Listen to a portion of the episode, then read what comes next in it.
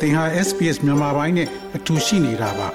sps.com.au/burmese မှာပုံမထူးခဲ့တဲ့သတင်းစာမားတွေကိုရှားဖွေပါ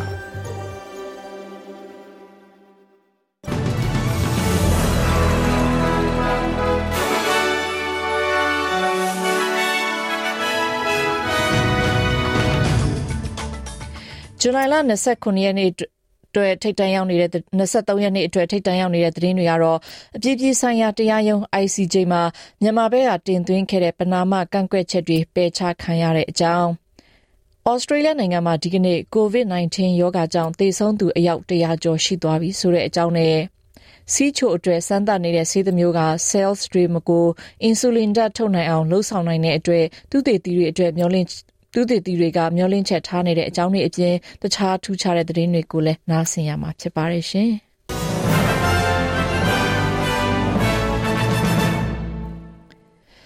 မြန်မာနဲ့သက်ဆိုင်တဲ့သတင်းကိုအရင်စရမယ်ဆိုရင်တော့မြောက်ဝတီကော့ဂရိတ်အာရှလမ်းမပေါ်မှာ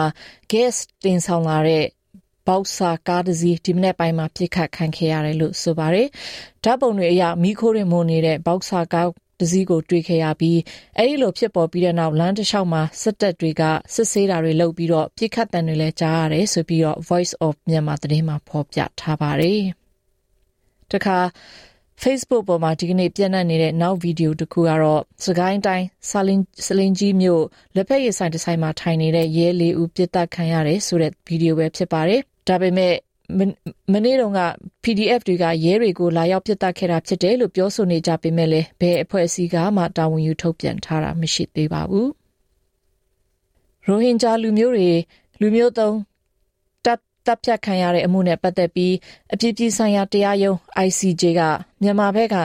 တင်သွင်းခဲ့တဲ့ ကနဦးကန့်ကွက်ချက် ၄ ခုစလုံးကို ပယ်ချလိုက်ပြီးဖြစ်ပါတယ်။ဂမ်ဘီယာကဂမ်ဘီယာနိုင်ငံကနေ 2019ခုနှစ်မှာမြန်မာကိုစတင်တရားစွဲဆိုခဲ့တာဖြစ်ပြီး 2019ခုနှစ်တုန်းက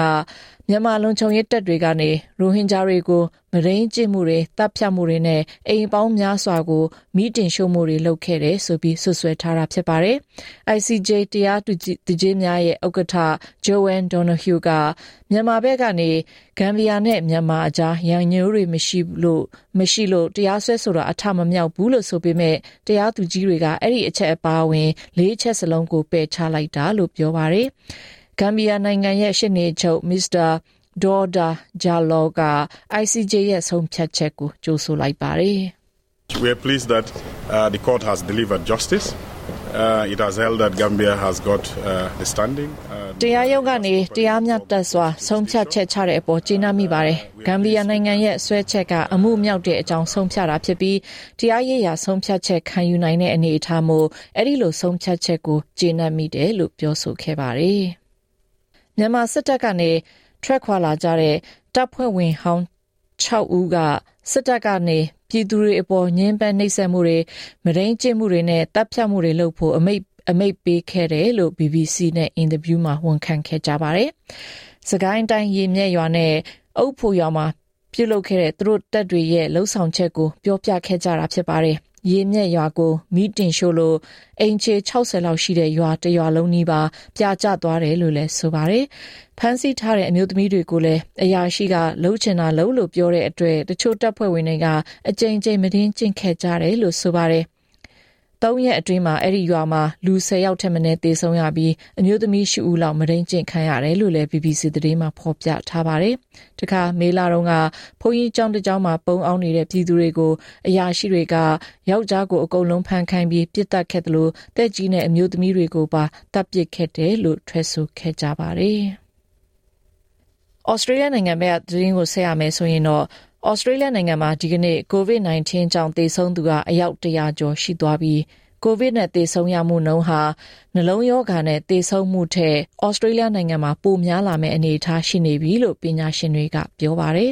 ။လူအယောက်9000ကျော်လဲဆေးရုံတင်ထားရပြီးကူးစက်မှုကဒီထက်မကများပြားလာဖို့ရှိတဲ့အတွက်သေဆုံးရမှုနှုန်းတွေဆေးရုံတိုက်ဆေးရုံတက်ရတဲ့နှုန်းတွေကဒီထက်မကလည်းများပြားဖို့ရှိတယ်လို့ Griffith တက္ကသိုလ်က ကူးစက်ရောဂါဆိုင်ရာပါမောက္ခ Nigel Macmillan ကပြောပါတယ်။ So this year alone, we have had 8,885 deaths from COVID. We will crack 9,000 deaths အခုလောလောဆယ်ဒီနှစ်အတွင်းကိုဗစ်ကြောင့်သေဆုံးရသူဟာ8885ဦးရှိသွားပြီဖြစ်ပြီးနောက်တစ်ပတ်အတွင်းမှာပဲအယောက်9000ပြည့်မှာဖြစ်ပါတယ်။လက်ရှိနှုန်းထားအတိုင်းပဲသွားမယ်ဆိုရင်တော့ကိုဗစ်ကြောင့်သေဆုံးရသူဦးရေက16000ကျော်မဲ့အလားအလာရှိနေပါတယ်။ ခက်မှန်တဲ့နှုံအတိုင်းတေဆုံးကြမယ်ဆိုရင်တော့ဒီနှစ်အတွင်းမှာဩစတြေးလျအတွက်လူအသေးအပြောက်အများဆုံးယောဂါကတော့ကိုဗစ်ဖြစ်သွားမယ်လို့ပြောသွားခဲ့ပါတယ်။ Australian Medical Association အဖွဲ့ကတော့လူတွေကိုမဖြစ်မနေနှာခေါင်းစည်းတွေပြန်တပ်ဆင်ခိုင်းဖို့အစိုးရကိုအကြံပြုထားကြပြီး ကိုဗစ်ကြောင့်အရေးပေါ်မဟုတ်တဲ့ခွဲစိတ်မှုတွေမလုပ်နိုင်ကြတဲ့အနေအထားဖြစ်သလိုကိုဗစ်လူနာတွေဆေးရုံတက်ရတဲ့နှုန်းများလို့ဆေးရုံတွေမှာမနိုင်မနှင်းဖြစ်နေရပြီလို့ပြောဆိုနေကြပါတယ်။ဒီတစ်ကြိမ်ဖြစ်ပေါ်တဲ့ကိုဗစ်ကိုဗစ်လိုင်းကဩဂုတ်လကျရင်တော့အထူးထိပ်အနေအထားကိုရောက်မယ်လို့ခန့်မှန်းထားကြပါတယ်။ပြည်ထရေးဝန်ကြီးကလဲအိုနေကအရင်အစိုးရဟာဌာနေဌာနဆိုင်ရာအကြီးအကဲတွေ ကိုအစိုးရအတွက်အလုပ်လုပ်အောင်ဖိအားပေးပြီးဒီမိုကရေစီလမ်းကြောင်းကနေသွေးဖီအောင်လှုပ်ဆောင်နေတယ်လို့ဆွဆွဲပြောဆိုလိုက်ပါတယ်။ရွေးကောက်ပွဲမတိုင်ခင်တရက်လိုမှာ အဲ့ဒီအချိန်တုန်းကအစိုးရဖြစ်နေတဲ့ Liberal National ညွန့်ပေါင်းအဖွဲ့ကလွှတ်တော်အမတ်က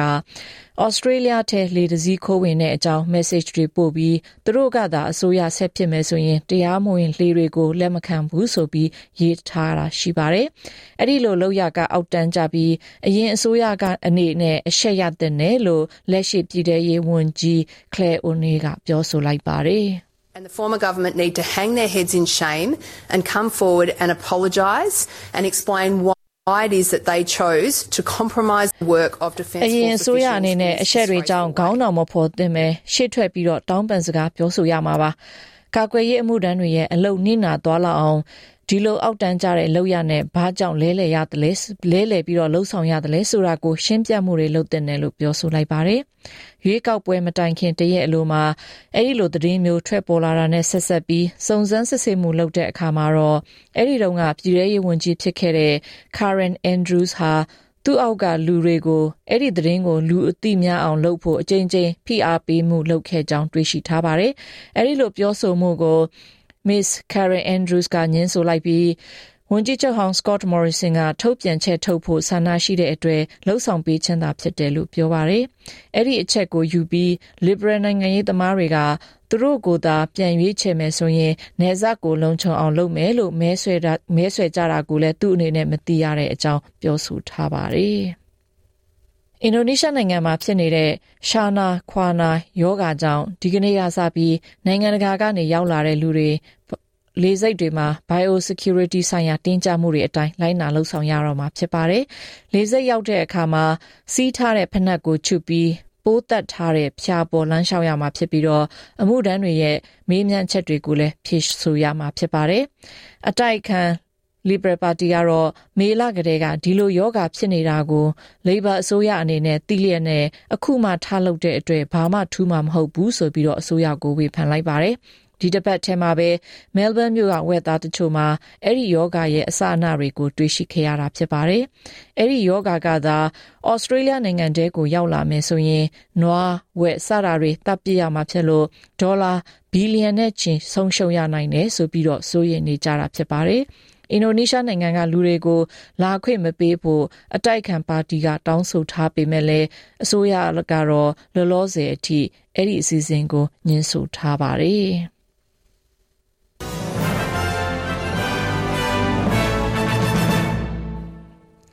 သူတေတီတွေရဲ့အဆိုအရစီချိုယောဂနဲ့ဆက်ဆက်ပြီး တိုးတဲ့တဲ့ကုသမှုကုသနည်းတစ်ခုကိုတွေ့ရှိထားတယ်လို့ပြောပါတယ်။ကဘာပေါ်ကလူတန်းပေါင်း900ဟာစီးချိုယောဂခံစားနေရတာဖြစ်ပြီးဒီတွေ့ရှိမှုကစီးချိုကိုပျောက်ကင်းအောင်ကုသဖို့ပို့ပြီးတော့နီးစပ်လာစေတာလို့ပြောပါတယ်။အလူရှင်တူးစီကနေစီးချိုယောဂရှိတဲ့မုတ်ချိုအိတ်ရဲ့ stem cell ကိုယူပြီးအခုလောလောဆယ်စီးချိုကုသရေးမှာအသုံးပြုခြင်းမရှိသေးတဲ့ဆေးတစ်ခုနဲ့ကုသကြည့်ရမှာ အဲ့ဒီဆဲတွေမှာအင်ဆူလင်ဓာတ်တွေအလိုအလျောက်ပြန်ထုတ်လာနိုင်စွမ်းရှိတာကိုတွေ့ခဲ့ကြရတာဖြစ်ပါတယ်။ဒီနေ့ကနေ့စဉ်အင်ဆူလင်ဆိုးထိုးမှုအင်ဆူလင်ဆေးထိုးနေရတဲ့လူတွေလူတွေအနေနဲ့အင်ဆူလင်ထိုးစရာမလိုအောင်ဖြစ်စေနိုင်တယ်လို့ Monash တက္ကသိုလ်ကသူတေသီဒေါက်တာအီရှန်ခရူနာကပြောပါတယ်။စီချိုသမားတွေဟာ ခန္ဓာကိုယ်အတွက်တင့်တော်တဲ့ glucose ပမာဏကို ထုတ်လုပ်နိုင်စွမ်းမရှိပါဘူး။ glucose ဟာတကြားဓာတ်တစ်မျိုးဖြစ်ပြီးအဲ့ဒီကနေ မုတ်ချိုအိတ်ကနေ insulin လို့ခေါ်တဲ့ စွမ်းအင်ဟော်မုန်းဓာတ်ကို ထုတ်ပေးတာဖြစ်ပါတယ်။စီးချိုအမျိုးအစားနံပါတ် 1 ရှိသူတွေအတွက် အင်ဆူလင်ထုတ်တဲ့ cell တွေ ပျက်စီးနေတာဖြစ်ပါတယ်။အားကစားသတင်းမှာတော့လန်တန်ပြစ်ကစားသမား Kelsey Lee Barber ဟာ American နိုင်ငံ Oregon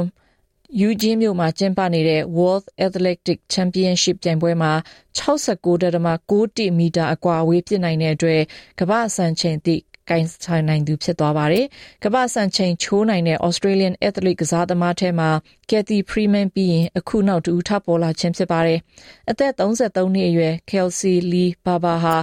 လွန်ခဲ့တဲ့ ချန်ပီယံပြိုင်ပွဲတွေမှာ ဆက်တိုက်ဆုတွေ ရရှိခဲ့တာဖြစ်ပြီး2019ခုနှစ် ဒိုဟာမြို့မှာပြိုင်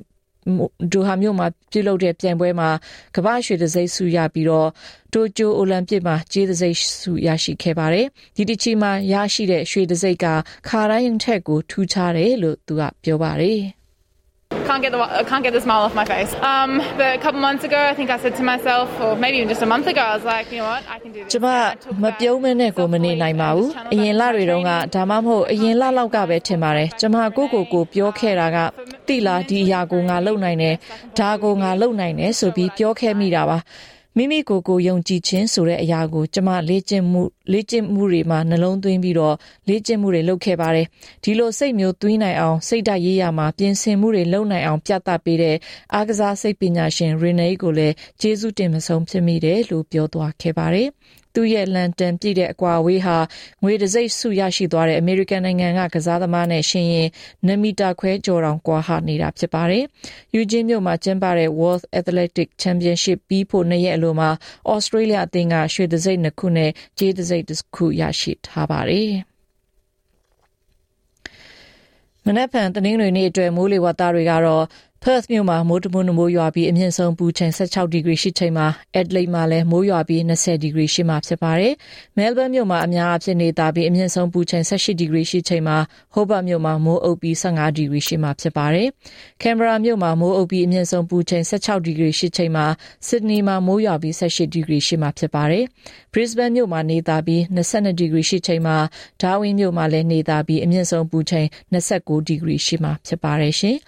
ငွေလဲလှယ်နှုန်းမှာတော့ Australia ဒေါ်လာဟာ American 69 cent ရှိပြီး Australia ဒေါ်လာမှာ Euro 6ခွန်ရှိပါတယ်။တခါ Australia ဒေါ်လာဟာ Thai ဘတ်25ဘတ်ကျော်ဝန်းကျင်ရှိပြီးမြန်မာကျပ်1400ကျပ်ဝန်းကျင်နဲ့ညီမျှနေပါတယ်ရှင်။